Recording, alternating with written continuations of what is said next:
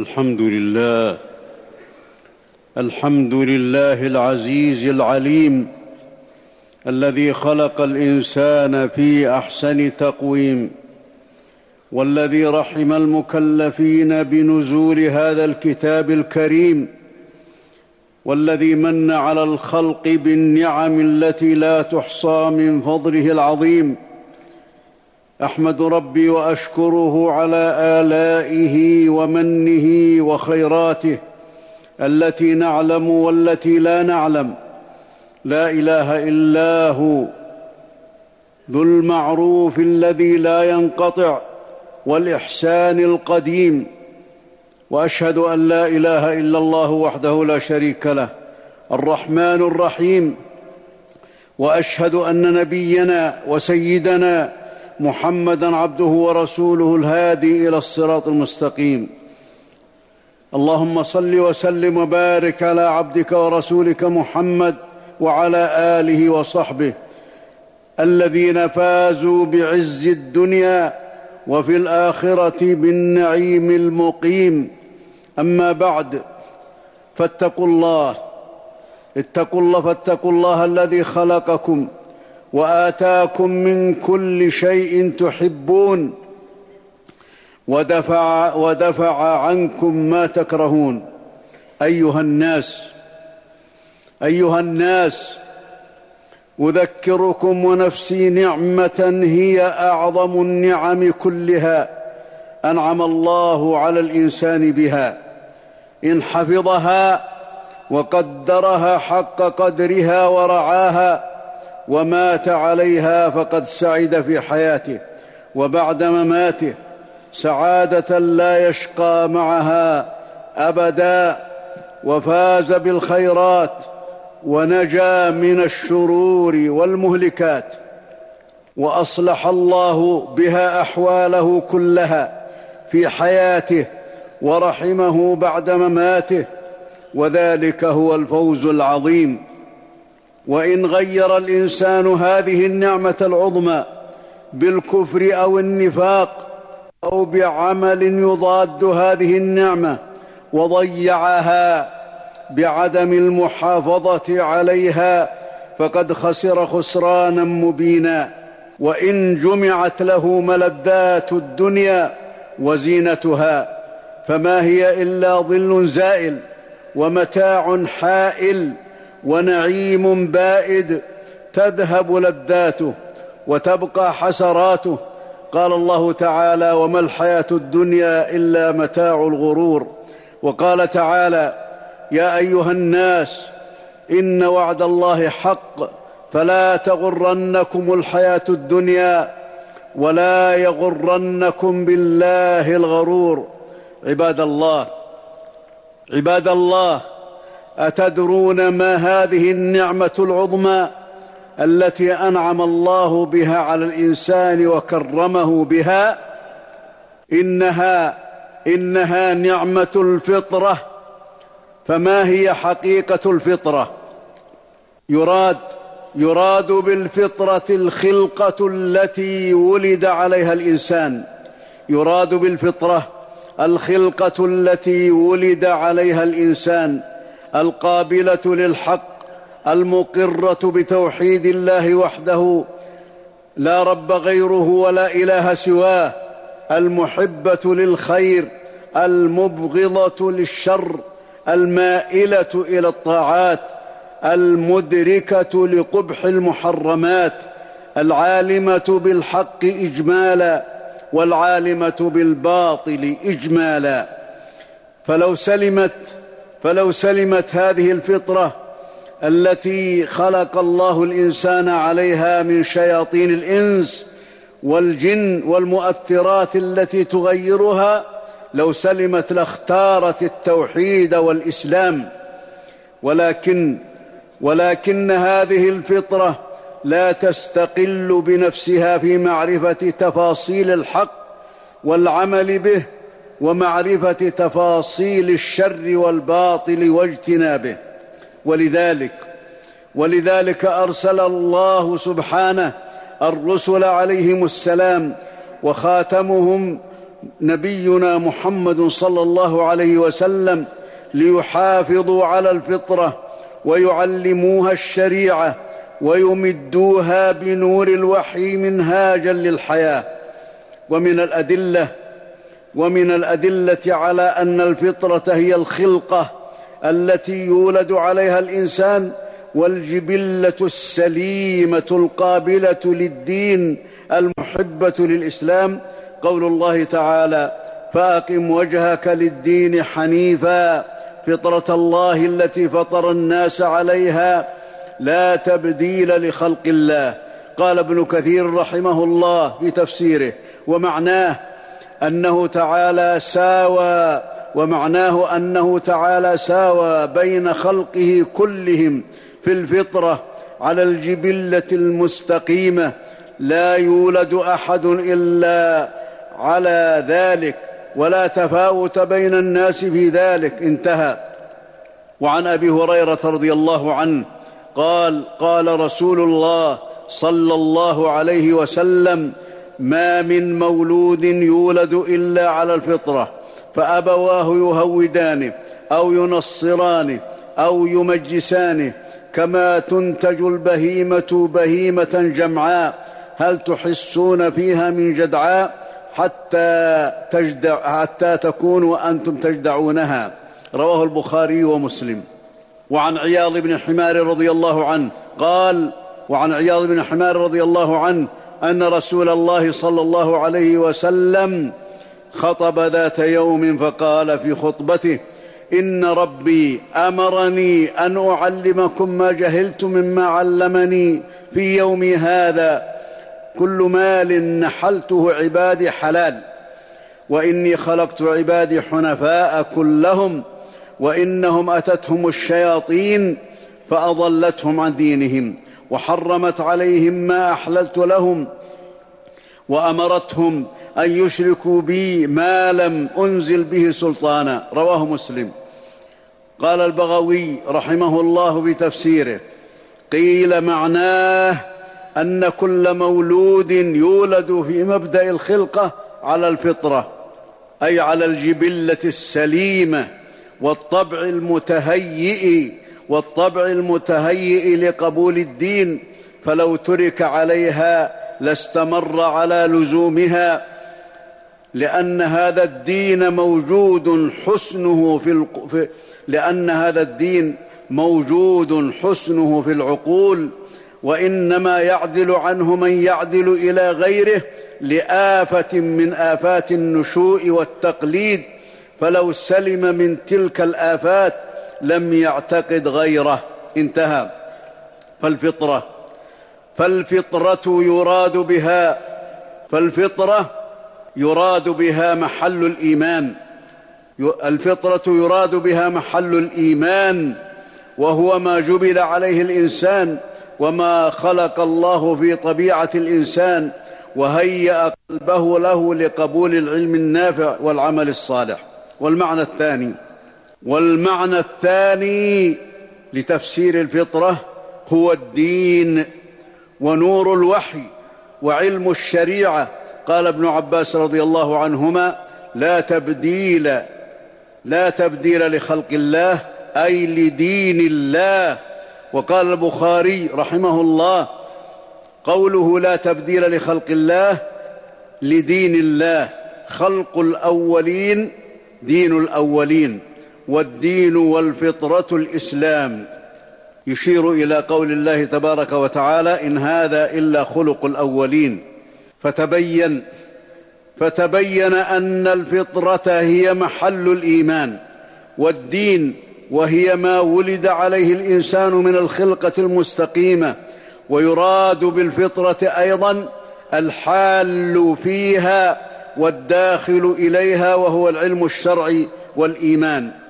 وأسوق مثالا لهذين المعنيين.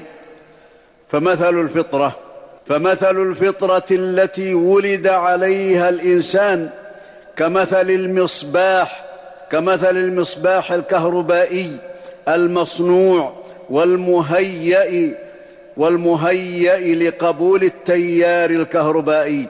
والتيار الكهربائي كمثل العلم والوحي الحال في القلب كمثل العلم والوحي الحال في القلب. فإذا اتصل التيار الكهربائي بمصباح الكهرباء السليم أضاء وأشرق وأزهر. وإذا لم يتصل وإذا لم يتصل, وإذا لم يتصل أحدهما بالآخر لا ينتفع بواحد منهما بمفرده في الإضاءة. فكذلك فكذلك الفطرة.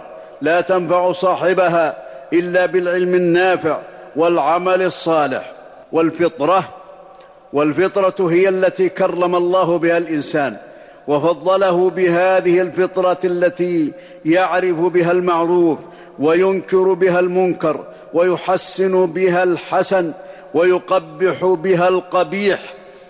وإذا انتكست وإذا انتكست الفطرة وتدمرت فقد مات الإنسان وإن كان يمشي على الأرض. قال الله تعالى اومن كان ميتا فأحييناه وجعلنا له نورا يمشي به في الناس كمن مثله في الظلمات ليس بخارج منها.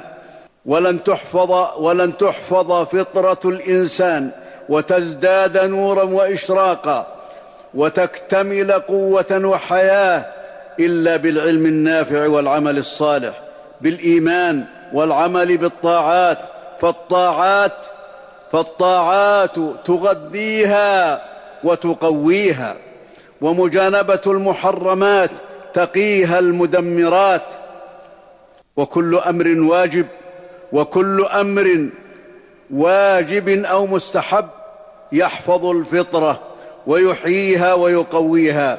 قال سبحانه يا أيها الذين آمنوا استجيبوا لله وللرسول إذا دعاكم لما يحييكم. وقال النبي صلى الله عليه وسلم وقال النبي صلى الله عليه وسلم عشر من الفطرة قص الشارب وإعفاء اللحية والسواك واستنشاق الماء وقص الأظفار وغسل البراجم وهي الأصابع ونتف الإبط وحلق العانة وانتقاص الماء. قال الراوي ونسيت العاشرة وقد تكون المضمضة. يعني يعني الاستنجاء هو انتقاص الماء. رواه مسلم. وإذا كانت هذه الخصال من الفطرة فغيرها من الفرائض من باب أولى.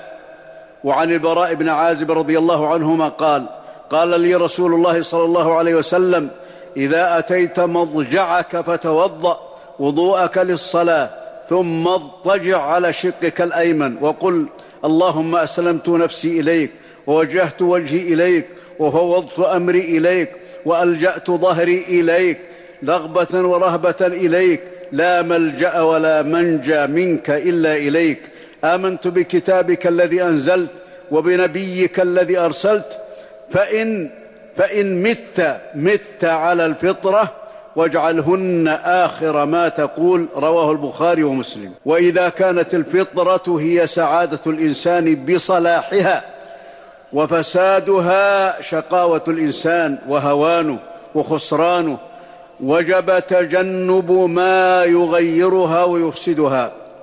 وأخطر وأخطر عمل يفسدها ويغيرها الشرك بالله تعالى في بعبادة غير الله. وأخطر عمل يفسدها ويغيرها الشرك بالله تعالى بعبادة غير الله. أو أو وصف الله عز وجل بما ينزه عنه من الولد والشريك. كقول مشرك العرب قبل البعثة الملائكة بنات الله. ومن قال مثل قولهم عن ابن عباس عن النبي صلى الله عليه وسلم قال قال الله تعالى كذبني ابن آدم ولم يكن له ذلك وشتمني ابن آدم ولم يكن له ذلك فأما تكذيبه إياي فيزعم أني لا أقدر أن أعيده كما كان وأما شتمه إياي فقوله لي ولد فسبحاني أن أتخذ ولدا. رواه البخاري. وفي حديث أبي هريرة رضي الله عنه. وأما وأما شتمه إياي فقوله اتخذ الله ولدا. وأنا الله الأحد الصمد لم يلد ولم يولد ولم يكن له كفوا أحد. فدل الحديث دل الحديث على أن قولهم هذا أعظم من عبادة الأصنام. والشرك لا يغفره الله إلا بالتوبة. قال تعالى إنه من يشرك بالله فقد حرم الله عليه الجنة ومأواه النار وما للظالمين من أنصار. ومما يغير الفطرة ويفسدها الذنوب والمعاصي. وما أهلك الله الأمم وما أهلك الله الأمم قبلنا إلا بفساد الفطرة والعتو عن أمر الله. وما أنجى الله المؤمنين معهم إلا بصلاح الفطرة قال تعالى وأنجينا الذين آمنوا وكانوا يتقون ولهذه الأمة ولهذه الأمة عبرة في هلاك قوم لوط كلهم فلم ينج منهم رجل واحد لفساد فطرتهم وانتكا وانتكاسها بفعل الفاحشة الشنيعة فلم ينج إلا لوط عليه السلام وابنتاه فالمعاصي فالمعاصي تفسد الفطرة ووجه ووجه العبرة ووجه العبرة أن كل نبي أهلك الله أمته آمن به طائفة وأنجاهم الله معه. وأما قوم لوط فقد أفسدت المعاصي فطرتهم فلم يسلم منهم رجل واحد فعوقبوا أشد العقوبة في الأرض. ومما يفسد الفطرة ومما يفسد الفطره الزنا فله تأثير في خبث القلب. قال رسول الله صلى الله عليه وسلم لا يزني الزاني حين يزني وهو مؤمن ولا يسرق السارق حين يسرق وهو مؤمن ولا يشرب الخمر حين يشربها وهو مؤمن. رواه البخاري ومسلم عن أبي هريرة. وقال ابن مسعود رضي الله عنه قرن قرن الزنا مع الشرك. يريد قول الله تعالى الزاني لا ينكح إلا زانية أو مشركة. والخمر والخمر أم الخبائث. قال النبي صلى الله عليه وسلم اجتنبوا أم الخبائث. رواه ابن حبان والبيهقي من حديث عثمان رضي الله عنه. وقال صلى الله عليه وسلم الخمر جماع الإثم لأنها تدمر الفطرة وتفسد التدبير والعقل. والمخدرات أشد والمخدرات أشد فسادا للفطرة والعقل وأعظم خطرا على المجتمع فالخمر قد يكون ضررها خاصا بشاربها. ومما يضر الفطرة ومما يضر الفطرة ظلم العباد بعضهم لبعض. وخراب وخراب العالم من ظلم العباد بعضهم لبعض. قال الله تعالى وتلك القرى أهلكناهم لما ظلموا وجعلنا لمهلكهم موعدا. أيها الإنسان أيها الإنسان فوزك وصلاحك وسعادتك واستقامة أمورك كلها ووراثتك ووراثتك لجنات النعيم ونجاتك من عذاب الجحيم هو بالحفاظ على الفطرة المستقيمة بالتمسك بهذه الشريعة الإسلامية القويمة قال الله تعالى وأن هذا صراطي مستقيما فاتبعوه ولا تتبعوا السبل فتفرق بكم عن سبيله.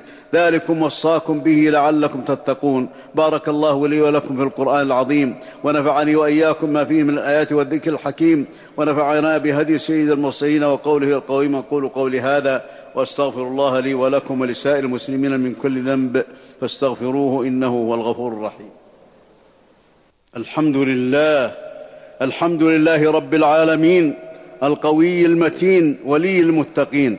أحمد ربي وأشكره على نعمه التي لا يحصيها إلا هو ما علمنا منها وما لم نعلم.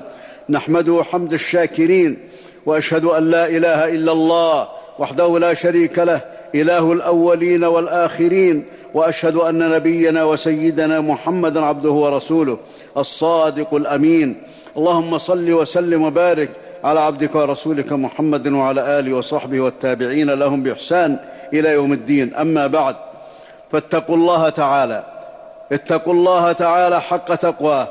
واحذروا مخالفة شرعه فما أفلح من عصاه. عباد الله عباد الله أحسنوا إلى أنفسكم بالاستقامة. فقد أحسن الله إليكم بالهداية وأنواع الكرامة. أيها الإنسان طهر نفسك من الخبائث وزكها بالاستجابة والقبول لما دعاك إليه ربك. قال الله تعالى استجيبوا لربكم من قبل أن يأتي يوم لا مرد له من الله. ما لكم من ملجأ يومئذ وما لكم من نكير. فإذا استجبت أيها الإنسان للأمر فقمت به واستجبت للنواهي فجانبتها فقد علت منزلك فقد علت منزلتك عند ربك وأكرمت نفسك وشكرت نعمة الفطرة التي هي أعظم نعمة. وفي الحديث إن الله يرفع بهذا القرآن أقواما ويضع به آخرين ولما ولما غيرت ولما غيرت الأمم الخالية فطرة الله ولم يستجيبوا لرسلهم عليهم السلام هانوا على الله وتردوا في الخزي والخسران قال الله تعالى فمنهم قال تبارك وتعالى فكلا أخذنا بذنبه فمنهم من أرسلنا عليه حاصبا ومنهم من أخذته الصيحة ومنهم من خسفنا به الأرض ومنهم من أغرقنا وما كان الله ليظلمهم ولكن كانوا أنفسهم يظلمون. عباد الله إن الله وملائكته يصلون على النبي. يا أيها الذين آمنوا صلوا عليه وسلموا تسليما. وقد قال صلى الله عليه وسلم من صلى علي صلاة واحدة صلى الله عليه بها عشرا. فصلوا وسلموا على سيد الأولين والآخرين وإمام المرسلين.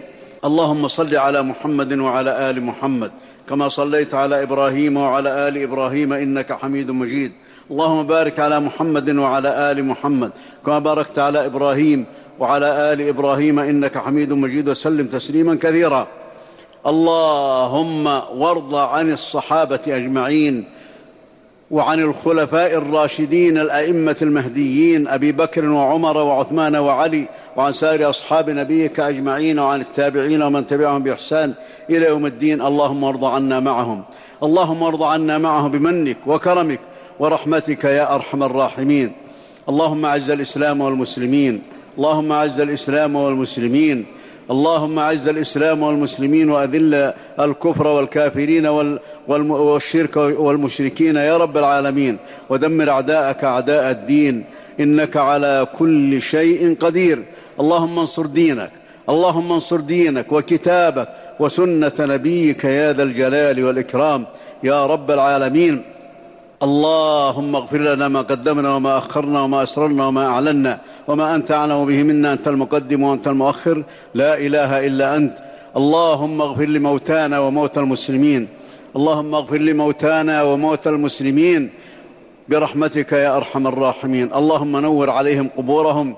اللهم ضاعف حسناتهم وتجاوز عن سيئاتهم. يا ذا الجلال والإكرام. اللهم إنا نسألك أن ترحم أمة محمد صلى الله عليه وسلم. اللهم ارحم أمة محمد صلى الله عليه وسلم.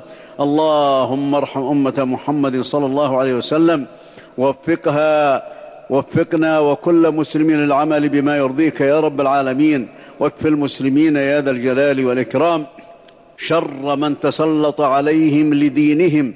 اللهم اكف المسلمين شر أعداء الإسلام يا رب العالمين. الذين تسلطوا على كثير من المسلمين لدينهم وظلموهم يا رب العالمين. اللهم اكشف عن المسلمين البلوى اللهم اكشف عن المسلمين البلاء اللهم اكشف عن المسلمين الكربات اللهم تول أمر كل مؤمن ومؤمنة وأمر كل مسلم ومسلمة برحمتك يا أرحم الراحمين. اللهم فقهنا والمسلمين اللهم فقهنا في الدين وفقه المسلمين في الدين. اللهم أعذنا وأعذ ذرياتنا من إبليس وذريته وشياطينه وأوليائه وأتباعه يا رب العالمين. اللهم أعذ المسلمين من الشيطان الرجيم وأعذ ذرياتهم يا رب العالمين. إنك على كل شيء قدير. اللهم حبب إلينا الإيمان وزينه في قلوبنا وكره إلينا الكفر والفسوق والعصيان واجعلنا من الراشدين. اللهم احفظ بلادنا من كل شر ومكروه يا رب العالمين. اللهم احفظ جنودنا واحفظ اللهم احفظ جنودنا واحفظ حدودنا يا رب العالمين. اللهم وفق خادم الحرمين الشريفين لما تحب وترضى. اللهم وفقه لهداك واجعل عمله في رضاك. اللهم أعنه على كل خير. اللهم وفقه للعمل الرشيد والرأي السديد. اللهم وفق ولي عهده لما تحب وترضى. اللهم أعنه على كل خير. اللهم وفقه للعمل الرشيد ولل... وللرأي السديد. إنك على كل شيء قدير. اللهم إنا نسألك. اللهم إنا نسألك أن تغيثنا. اللهم اغثنا اللهم اغثنا اللهم اغثنا غيثا هنيئا مريئا. برحمتك يا أرحم الراحمين. اللهم اقض الدين عن المدينين من المسلمين واشف مرضانا ومرضى المسلمين برحمتك يا أرحم الراحمين. اللهم اشف مرضانا ومرضى المسلمين. يا ذا الجلال والإكرام. عباد الله إن الله يأمر بالعدل والإحسان وإيتاء ذي القربى وينهى عن الفحشاء والمنكر والبغي يعظكم لعلكم تذكرون. فاذكروا الله العظيم الجليل يذكركم واشكروه على نعمه يزدكم ولذكر الله أكبر والله يعلم ما تصنعون